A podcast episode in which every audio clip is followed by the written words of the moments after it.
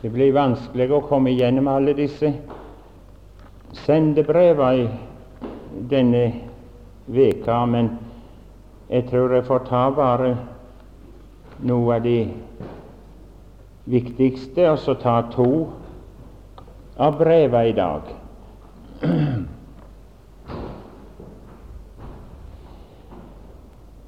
Vi finner åpenbaringa to og begynner med det tolvte vers i Jesu navn. Og skriv til engelen for menigheten i Pergamum. Dette sier Han som har det tveeggede, skarpe sverd. Jeg vet hvor du bor, der hvor Satan har sin trone, og du holder fast ved mitt navn og du har, fornekt, eh, du har, og du fornektet ikke min tro i de dager da Antipas var mitt trofaste vitne, han som blir slått i hjel hos eder, der hvor Satan bor. Men jeg har noen få ting imot deg, at du har noen der som holder fast ved Beliams lære, han som lærte Balak å legge anstøt for Israels barn, og ete av Guds offer og drive hor. Således har du også noen som i like måte holder fast ved nikolaiternes lære. Omvend deg, ellers kommer jeg snart over deg og vil stride mot dem med min munns sverd. Den som har øre, han hører hva Ånden sier til menighetene.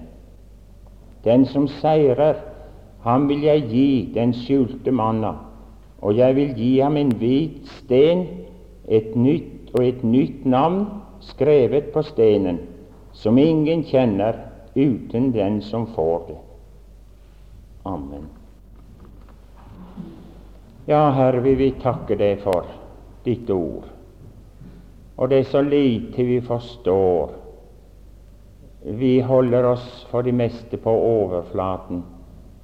Men Herre, vi ber deg at du vil lyse opp for oss og føre oss lenger og lenger, dypere og dypere ned i dine sannheter. Og Herre, hjelp oss at vi ikke sier noe galt, men Herre, at vi leder iallfall den rette veien.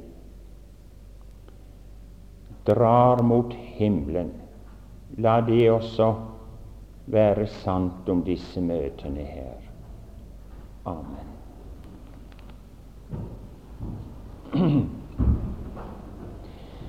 Det var byen Pergamon. Den lå nord for Smyrna, som de kanskje har sett på kartet.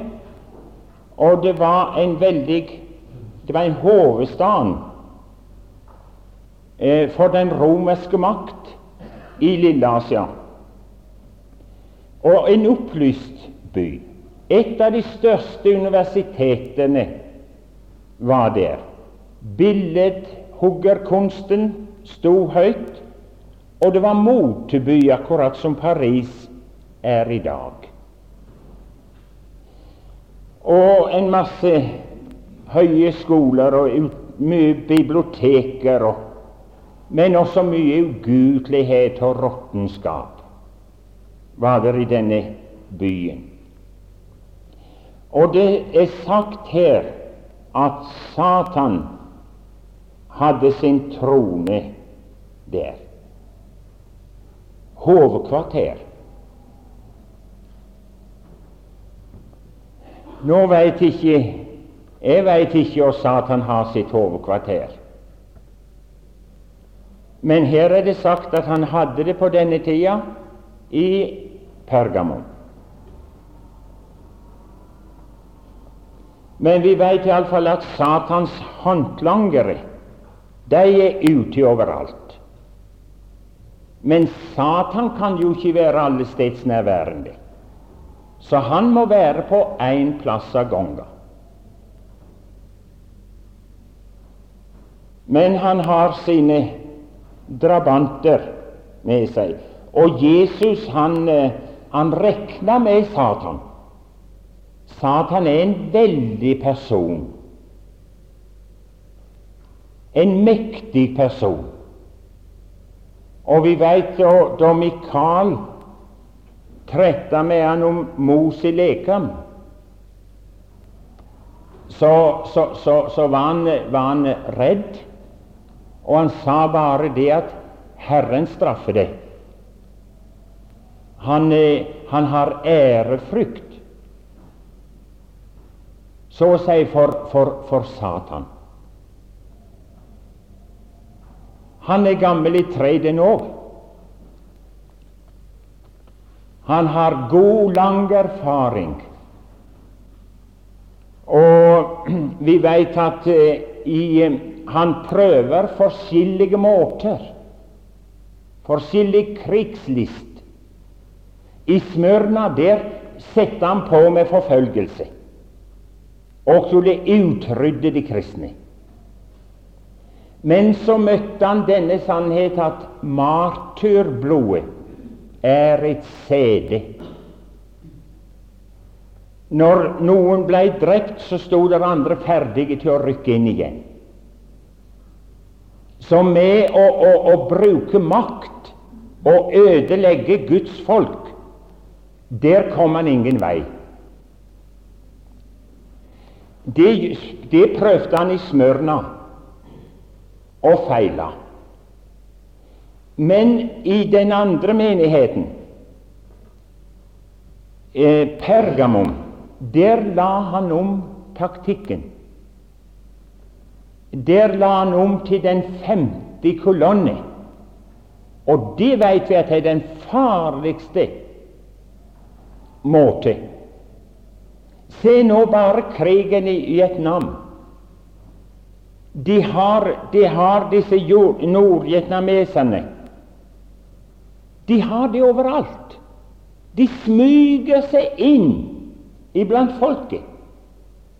Og når Hitler vil ta et land eller en nasjon, så smugler han først inn teknikere og eksperter, sabotasjeeksperter og sånn sånn at han hadde noen inne. Han tok de med andre ord innenifra. På den måten beseiret han dem. Og her har også Satan lagt om taktikken.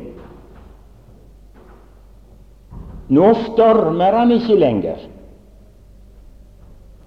Men nå skal vi, skal vi se åssen han eh, la om denne taktikken. Pergamum, det betyr giftermål eller opphøyelse, betyr navnet Pergamum.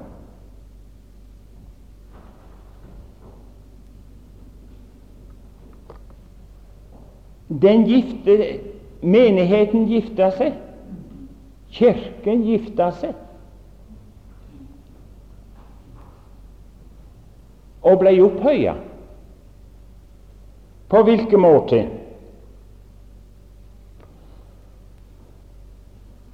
Der var to, eh, to mann som konkurrerte i den byen, som konkurrerte om keisertittelen. Det var Konstantin og Maxentius. Disse to vil begge bli keiser. Og Konstantin, han så et syn. Han så et ildkors og så hørte han en stemme som sa ved dette skal du seire. Så spurte han seg føre Han hadde ikke noe greie på, på, på, på den kristne menigheten. Men så spurte han seg føre Og så fikk han greie på at eh, korset, det er de kristnes emblem, merketegn. Og så forsto han det at det var med det han skulle seire. Så slutta han forfølgelsene, fikk avslutte de.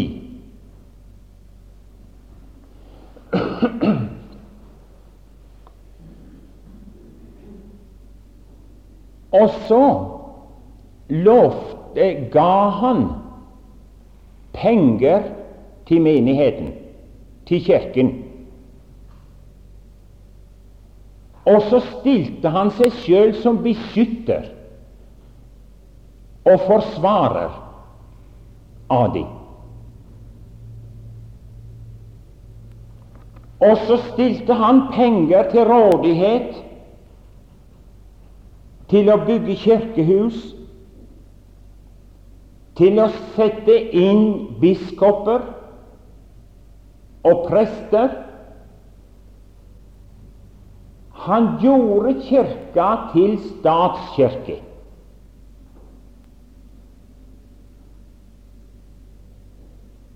Nå er det forbudt ifra denne tid å forfølge de. Nå står de under den verslige makt og er beskytta av den.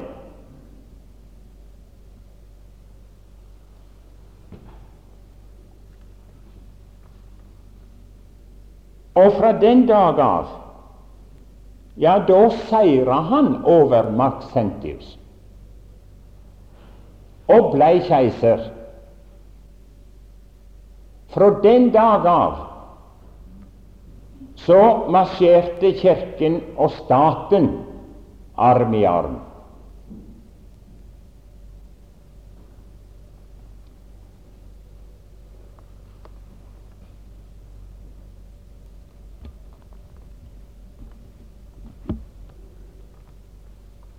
Da ble det altså eh, blanding. Fra den dag av ble det blanding. Og fra den dag av merka vi også den indre nedgang og forfall.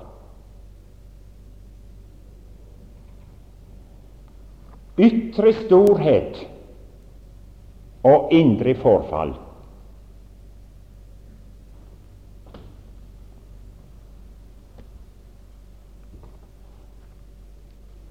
Og, men Kirken står under Nå er det ikke så mange plasser de har det nå, men den står under staten. Det er staten som setter, som utnevner embetsmennene.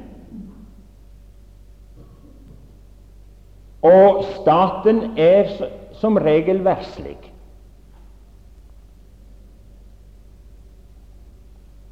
Derfor så, så, så, så blir, det, blir, det, blir, det, galt.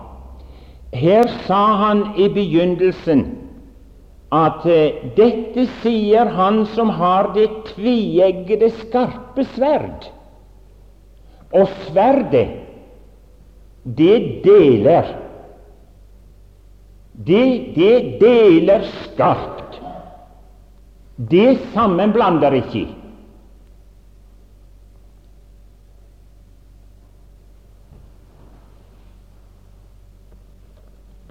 Nå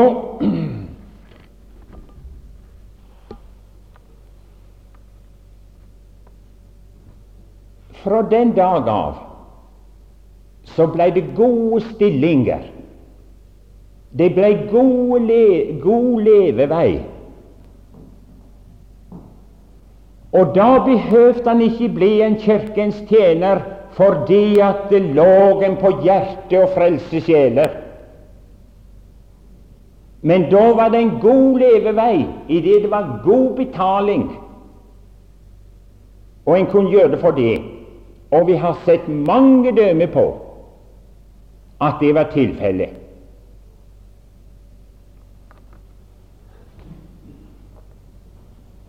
Og merkelig nok med gode dager at de blei sett opp til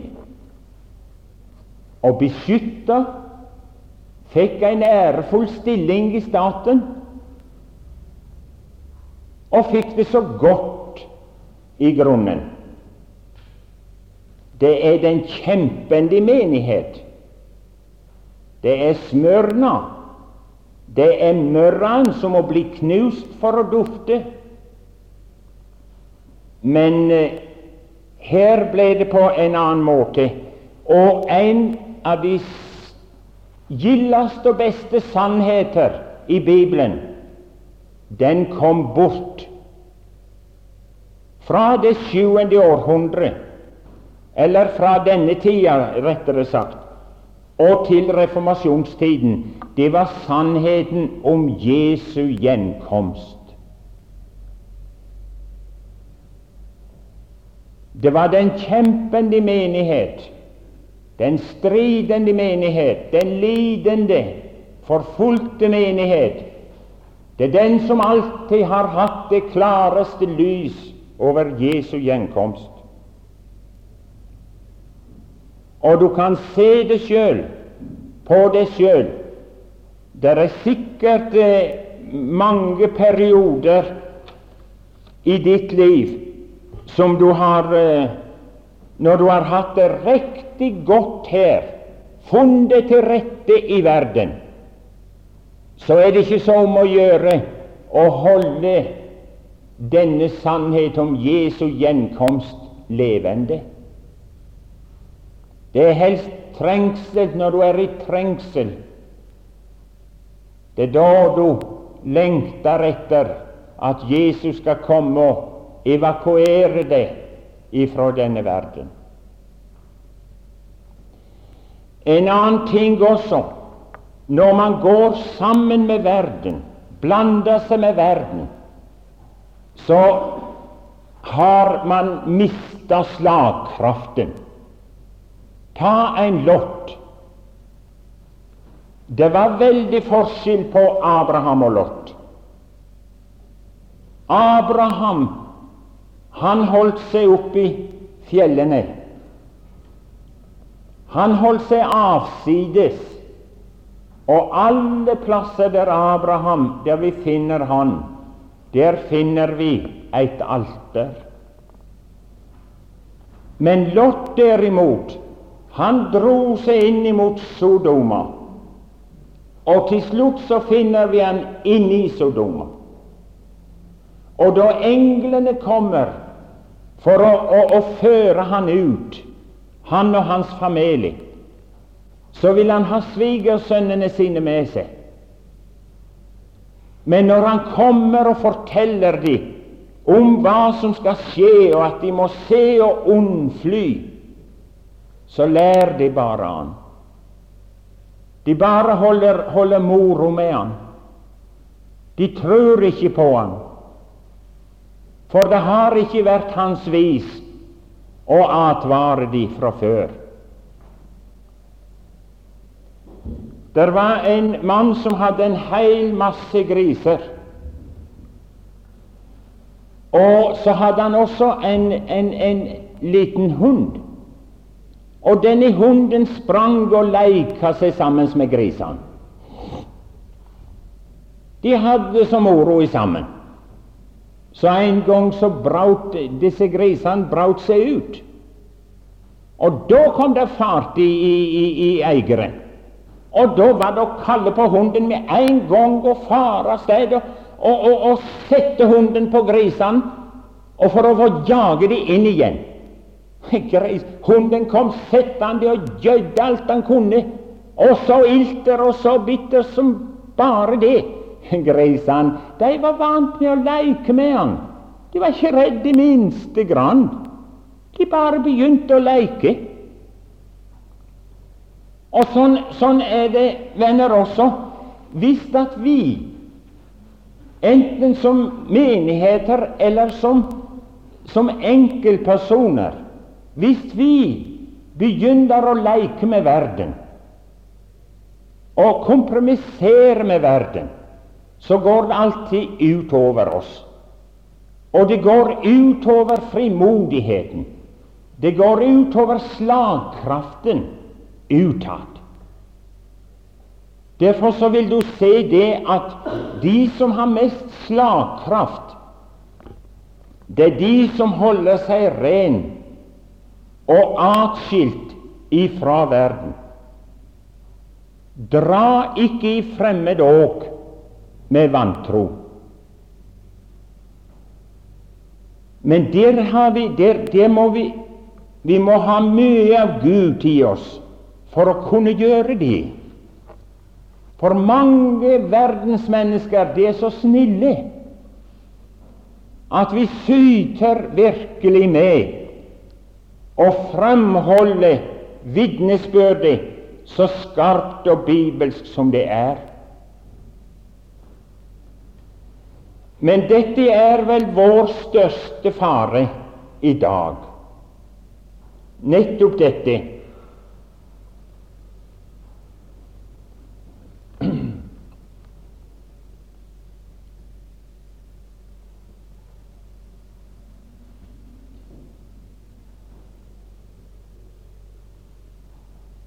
Jeg vet det, det, at selv om de står om de er i en statskirke, så det er mange snille troende. Men eh, til meg så ser det ut som at systemet, selve systemet, så langt jeg kan forstå, er, er, er, er feil.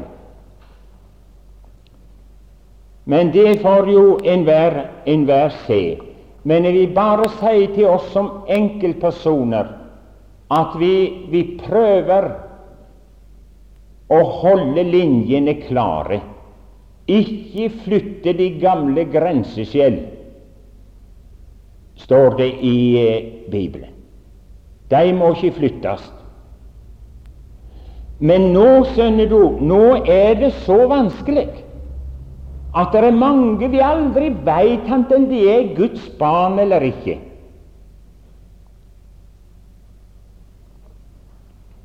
eh, Paulus han taler om at han bar Guds merketegn på sin kropp, på sitt legeme. Og det var, det var Før i tida i denne, på Paulus' tid så var treller og fanger De, de eh, hadde navnet av eieren stempla på seg, brent på seg, så alle visste hvem de tilhørte. Og nå spørs det for oss, venner dette, dette gjelder meg, og det gjelder deg. Kan folk se Kristi merketegn på oss? når de møter oss, kan de se det temmelig fort at vi hører Gud til. Det var en mann som fortalte Jeg starta en forretning, sa han. Og denne forretningen jeg streva nesten på natt og dag. Jeg unte ikke meg sjøl ro.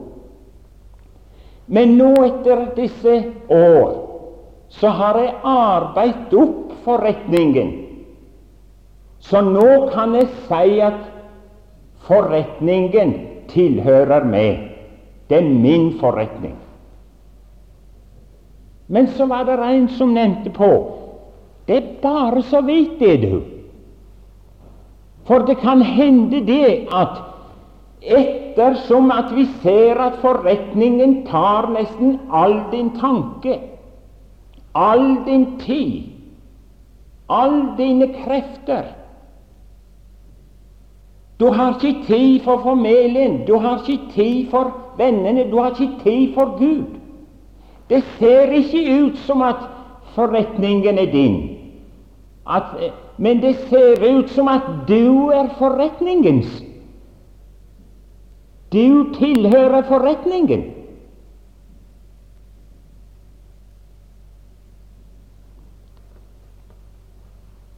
der, der er noe.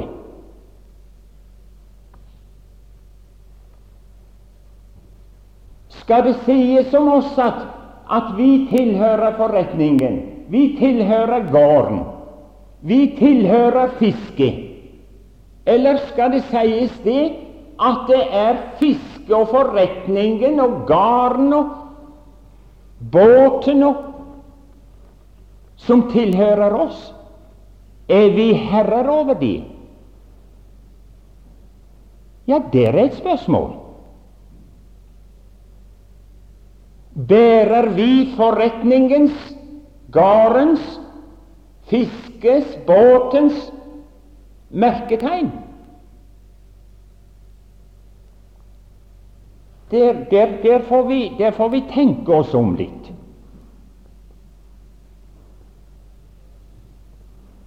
Den, den rike bonde, han tilhørte gården. Han bar gårdens merketegn. Hadde ikke tid for annet. Det var gården som dreiv han, som eide han. Og så fikk han ikke noe i Gud på grunn av det. Dette er bare noen tanker, men jeg vil gjerne at, at jeg må tenke over det sjøl. Og jeg vil at du skal tenke over dette.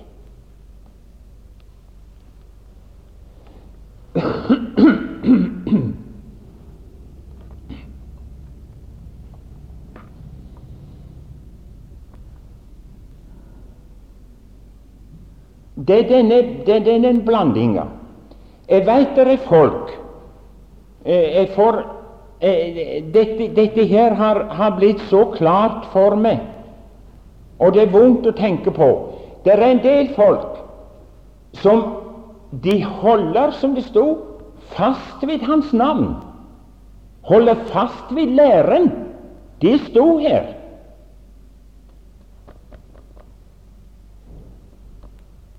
Men holder også på nikolaiternes lære og Beliams.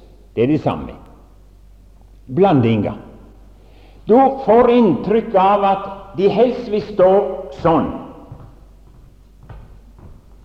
Og så går grensa der. Én fot til verden og én i Guds rike. De vil sikre seg begge deler. Men det er ikke greit å ri to hester som springer i hver sin retning. Da vil han snart falle ned av den ene, iallfall. Det er ting i verden som de ikke vil gi slipp på. De vil de ha med. En må aldri bli så åndelig at han ikke kan være med der. Men han må ikke bli så ugukelig på den sida at han ikke kan være med der. Og ha begge, begge, begge deler, både i pose og sekk. Og, og, og, og du kan aldri vite sikkert. Hører ikke noe til dem. Det er ikke noe liv sånn at det, det, er, det er ikke så fullt at det renner over. Kommer aldri et vitnesbyrd.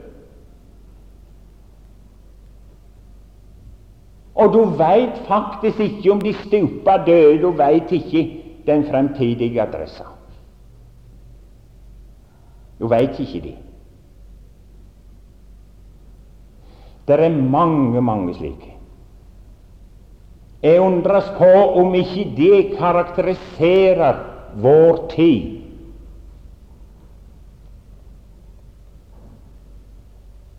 Og, og verden roper og vil ha med. Og så taper han hver gang han går med.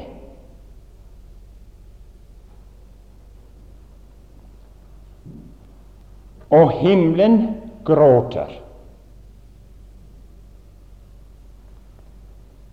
Jeg undres på jeg, det, det, kom for meg jeg, med disse brevene her. Jeg undrer meg på Dersom Jesus skulle sende et brev til deg eller til meg Han som ser inn i de innerste, både vondt og godt. Om han skulle forme et brev sånn som disse menighetsbrevene Jeg undres på åssen mitt brev ville se. Åssen tror du ditt vil se ut? Har du noe anelse om det? Hvis han skulle si det Folk Det kan ikke nytte å høre på folk. For noen eh, kritiserer for hardt, og andre smigrer. Så det, det, det, det kan han ikke høre på. Men én, det troverdige og sanne vitne, som elsker oss med en evig kjærlighet og som skriver for å hjelpe oss til rette igjen.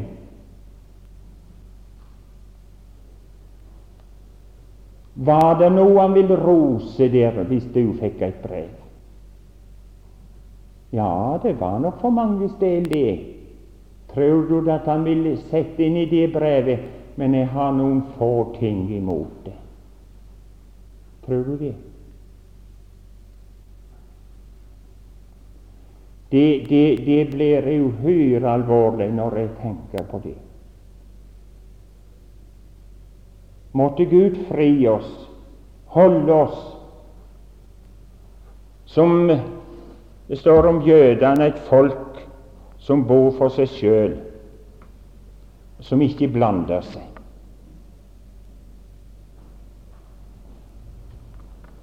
Ja, jeg får ikke si noe mer om dette her, men dette her, dette her er jeg redd for at, at er faren i dag. Så sa han det til slutt der er, Ja, jeg bare tar det, det der at den, den som seirer, ham vil jeg gi av den skjulte manna. Og jeg vil gi ham en hvit sten og et nytt navn skrevet på stenen, som ingen kjenner uten den som får det. En hvit sten. De brukte hvite og svarte steiner under rettsforhandlinger i denne tida. Og hvis den anklagede ble, fri, ble dømt, så ga de han en svart stein. Men dersom han ble frifunnet, så ga de han en hvit stein. Der hadde han beviset for at han var frifunnet. Han var uskyldig.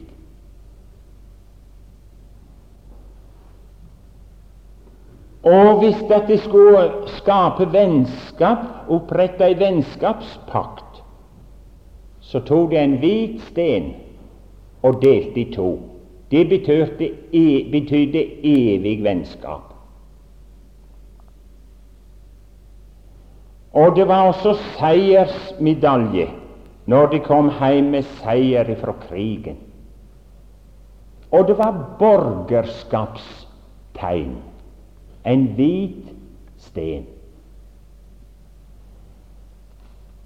Så det, det mentes både frikjent, evig vennskap, seier og arverett. Alt dette vil Jesus gi den som seirer. Det er mye foran oss, venner. Å, det er mye foran oss. Den som seirer, er ikke det vakkert? Seirer og bli flink. Nei, den som seirer ved Jesu blod.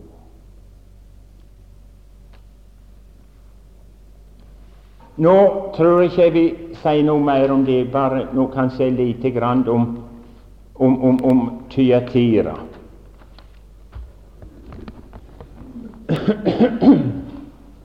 Fra vers altså 2, 18.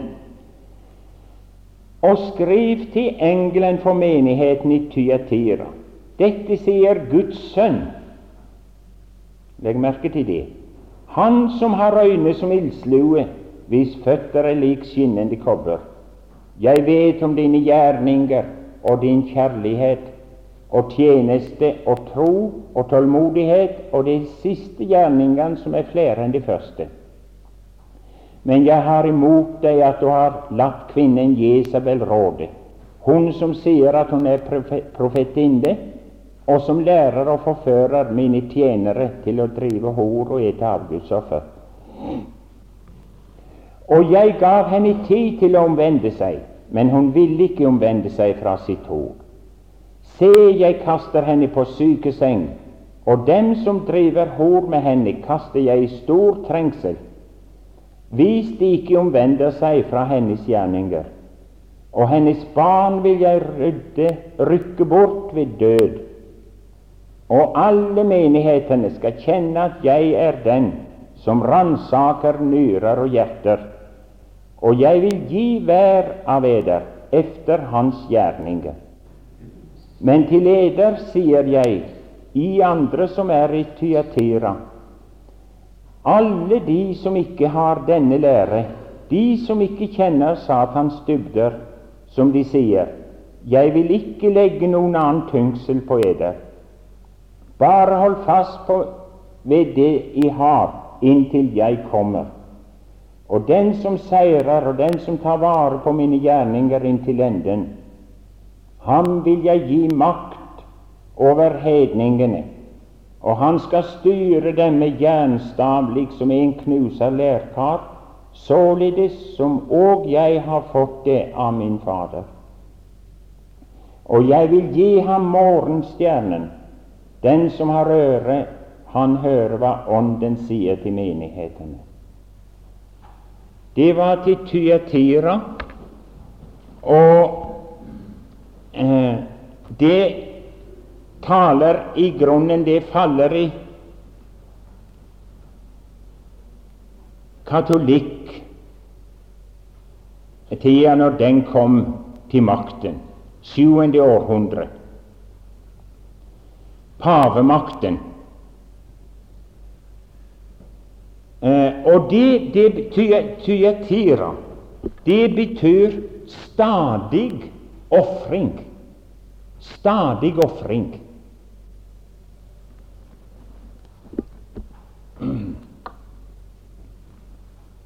Nå, hva katolikkene angår, de er kommet fram i skuddet igjen nå. Og jeg tror dere er på en farlig vei nå med dette sammensurium av disse forskjellige bekjennelsene. Dette her eh, Kirkenes verdensråd. Jeg, er livredd for det.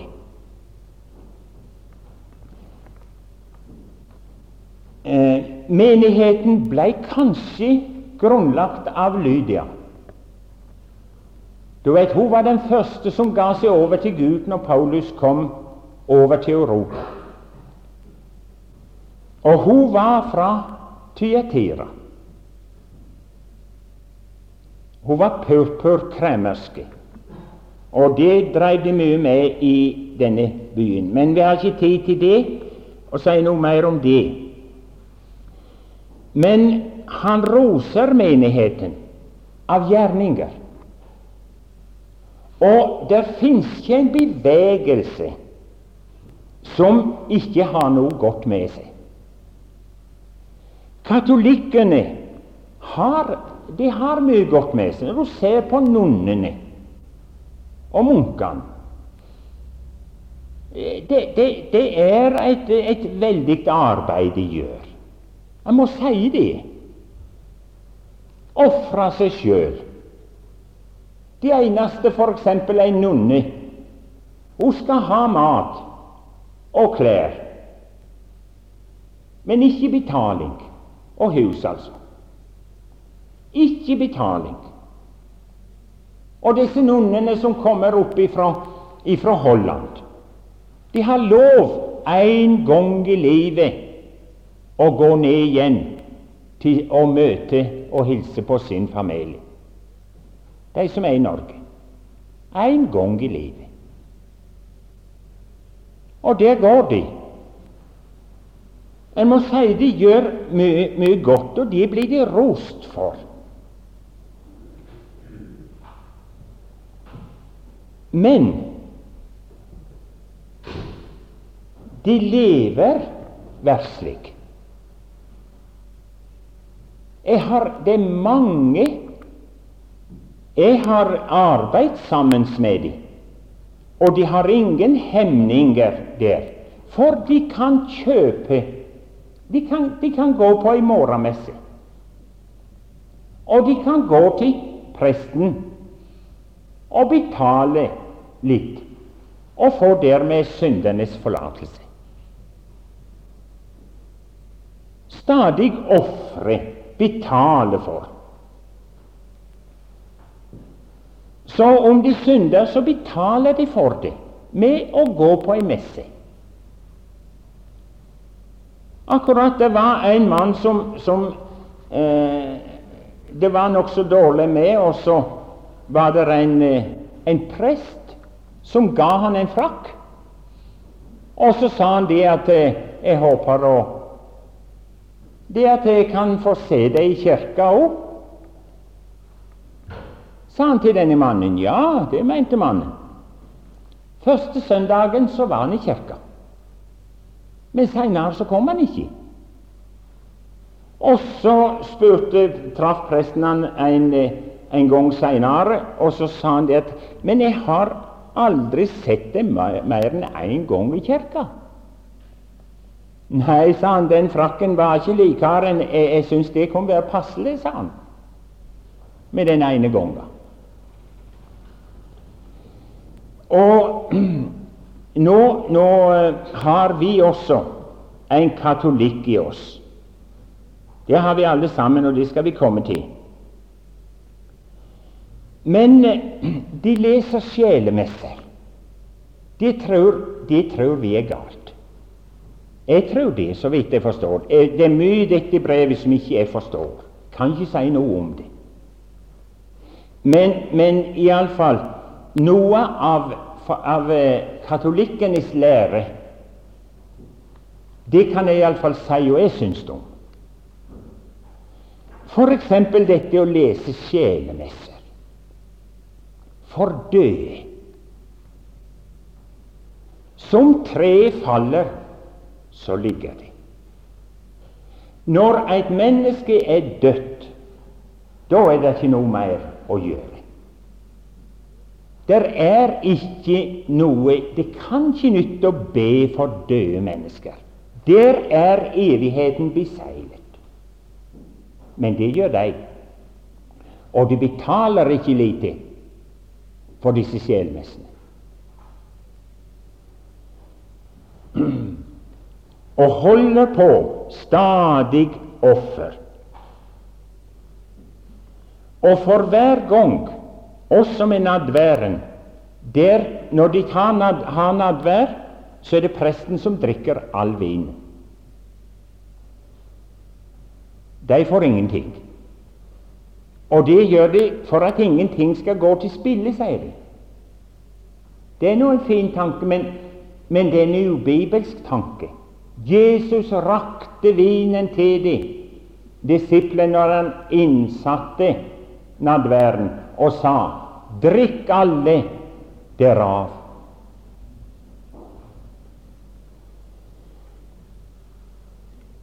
Og hver gang så ofrer de Jesus på nytt.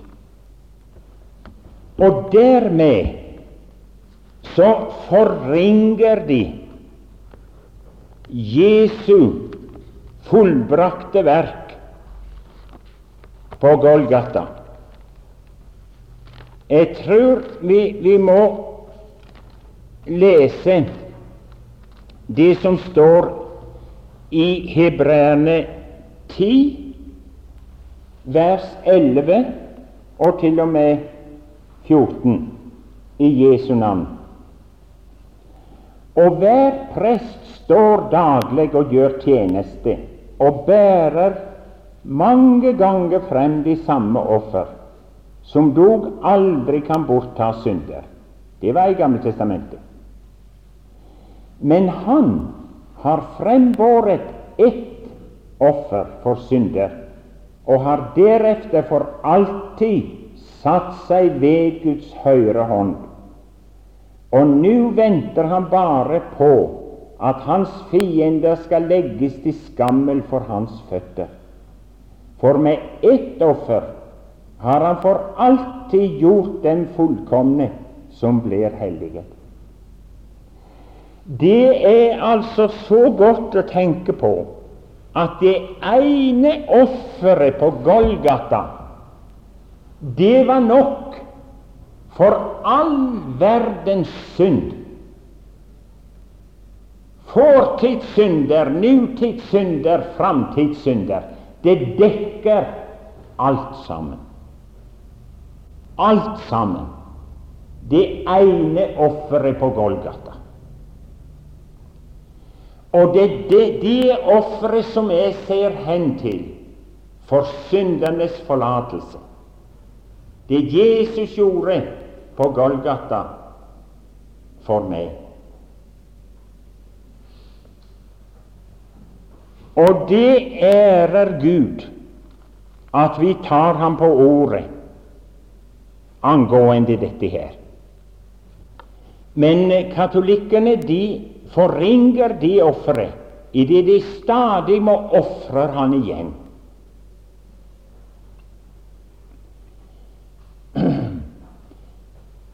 Og der, der, der, Vi behøver nå ikke å gå så veldig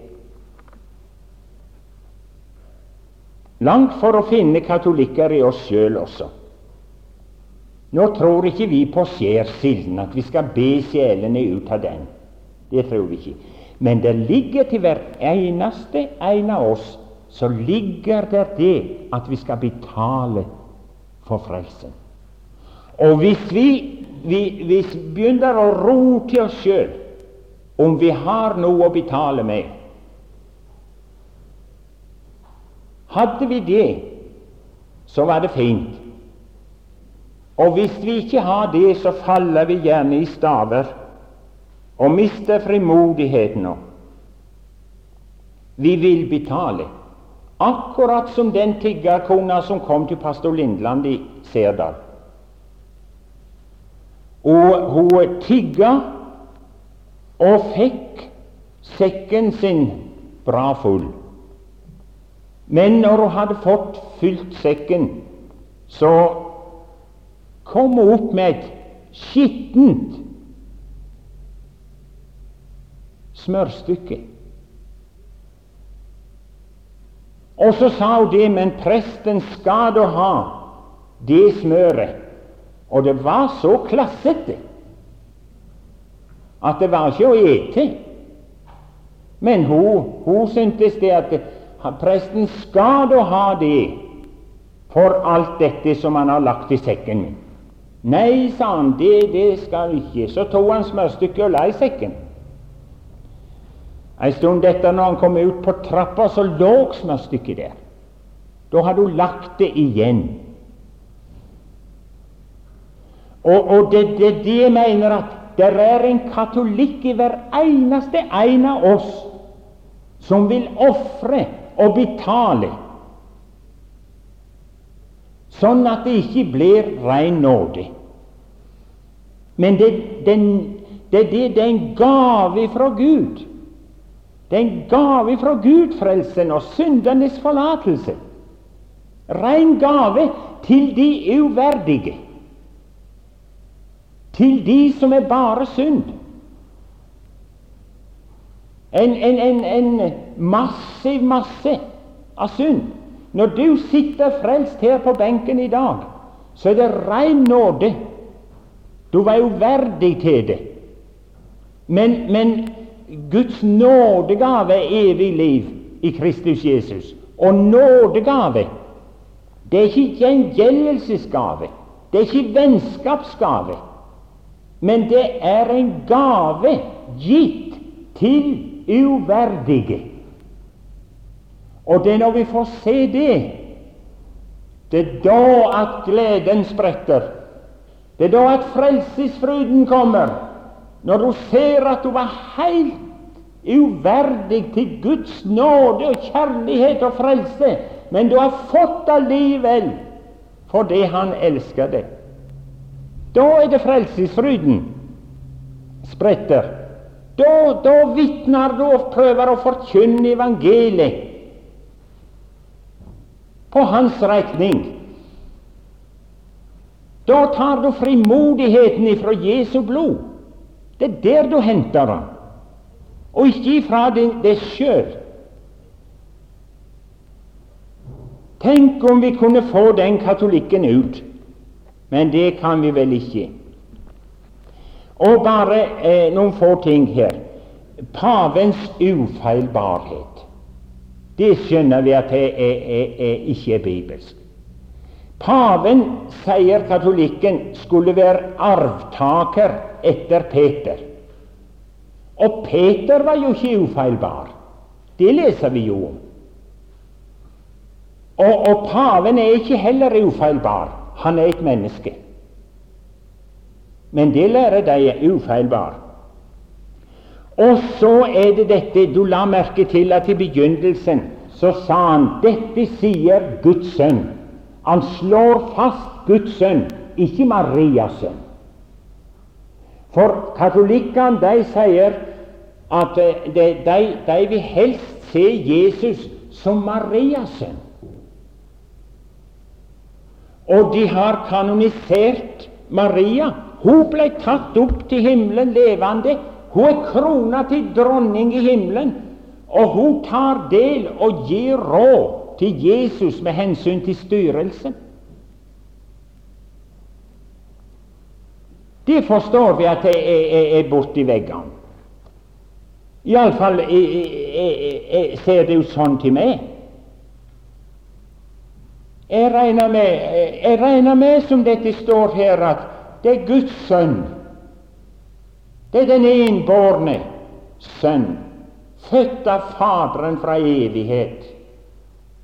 Jeg, jeg, og, og, det er greit, det. Jeg behøver ikke gå Maria. Katolikkene sa de må gå Maria. Så sa jeg at jeg er glad for det at jeg behøver ikke å gå via Maria jeg går til hovedkvarteret med en gang. Jeg går til Jesus.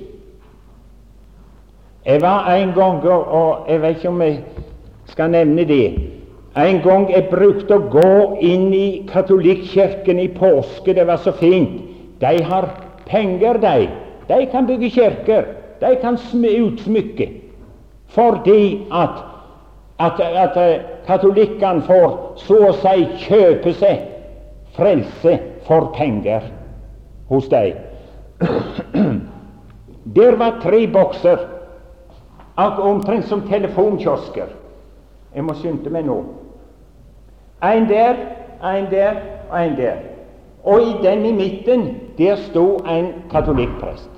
Og så så jeg de gikk inn i disse boksene. Så tenkte de at jeg skal òg gå inn i en av dem. Og det gjorde jeg når han ble ledig. Og, og der var luker fra den midtboksen til begge kanter, og så når han var ferdig med den, så snudde han seg til den.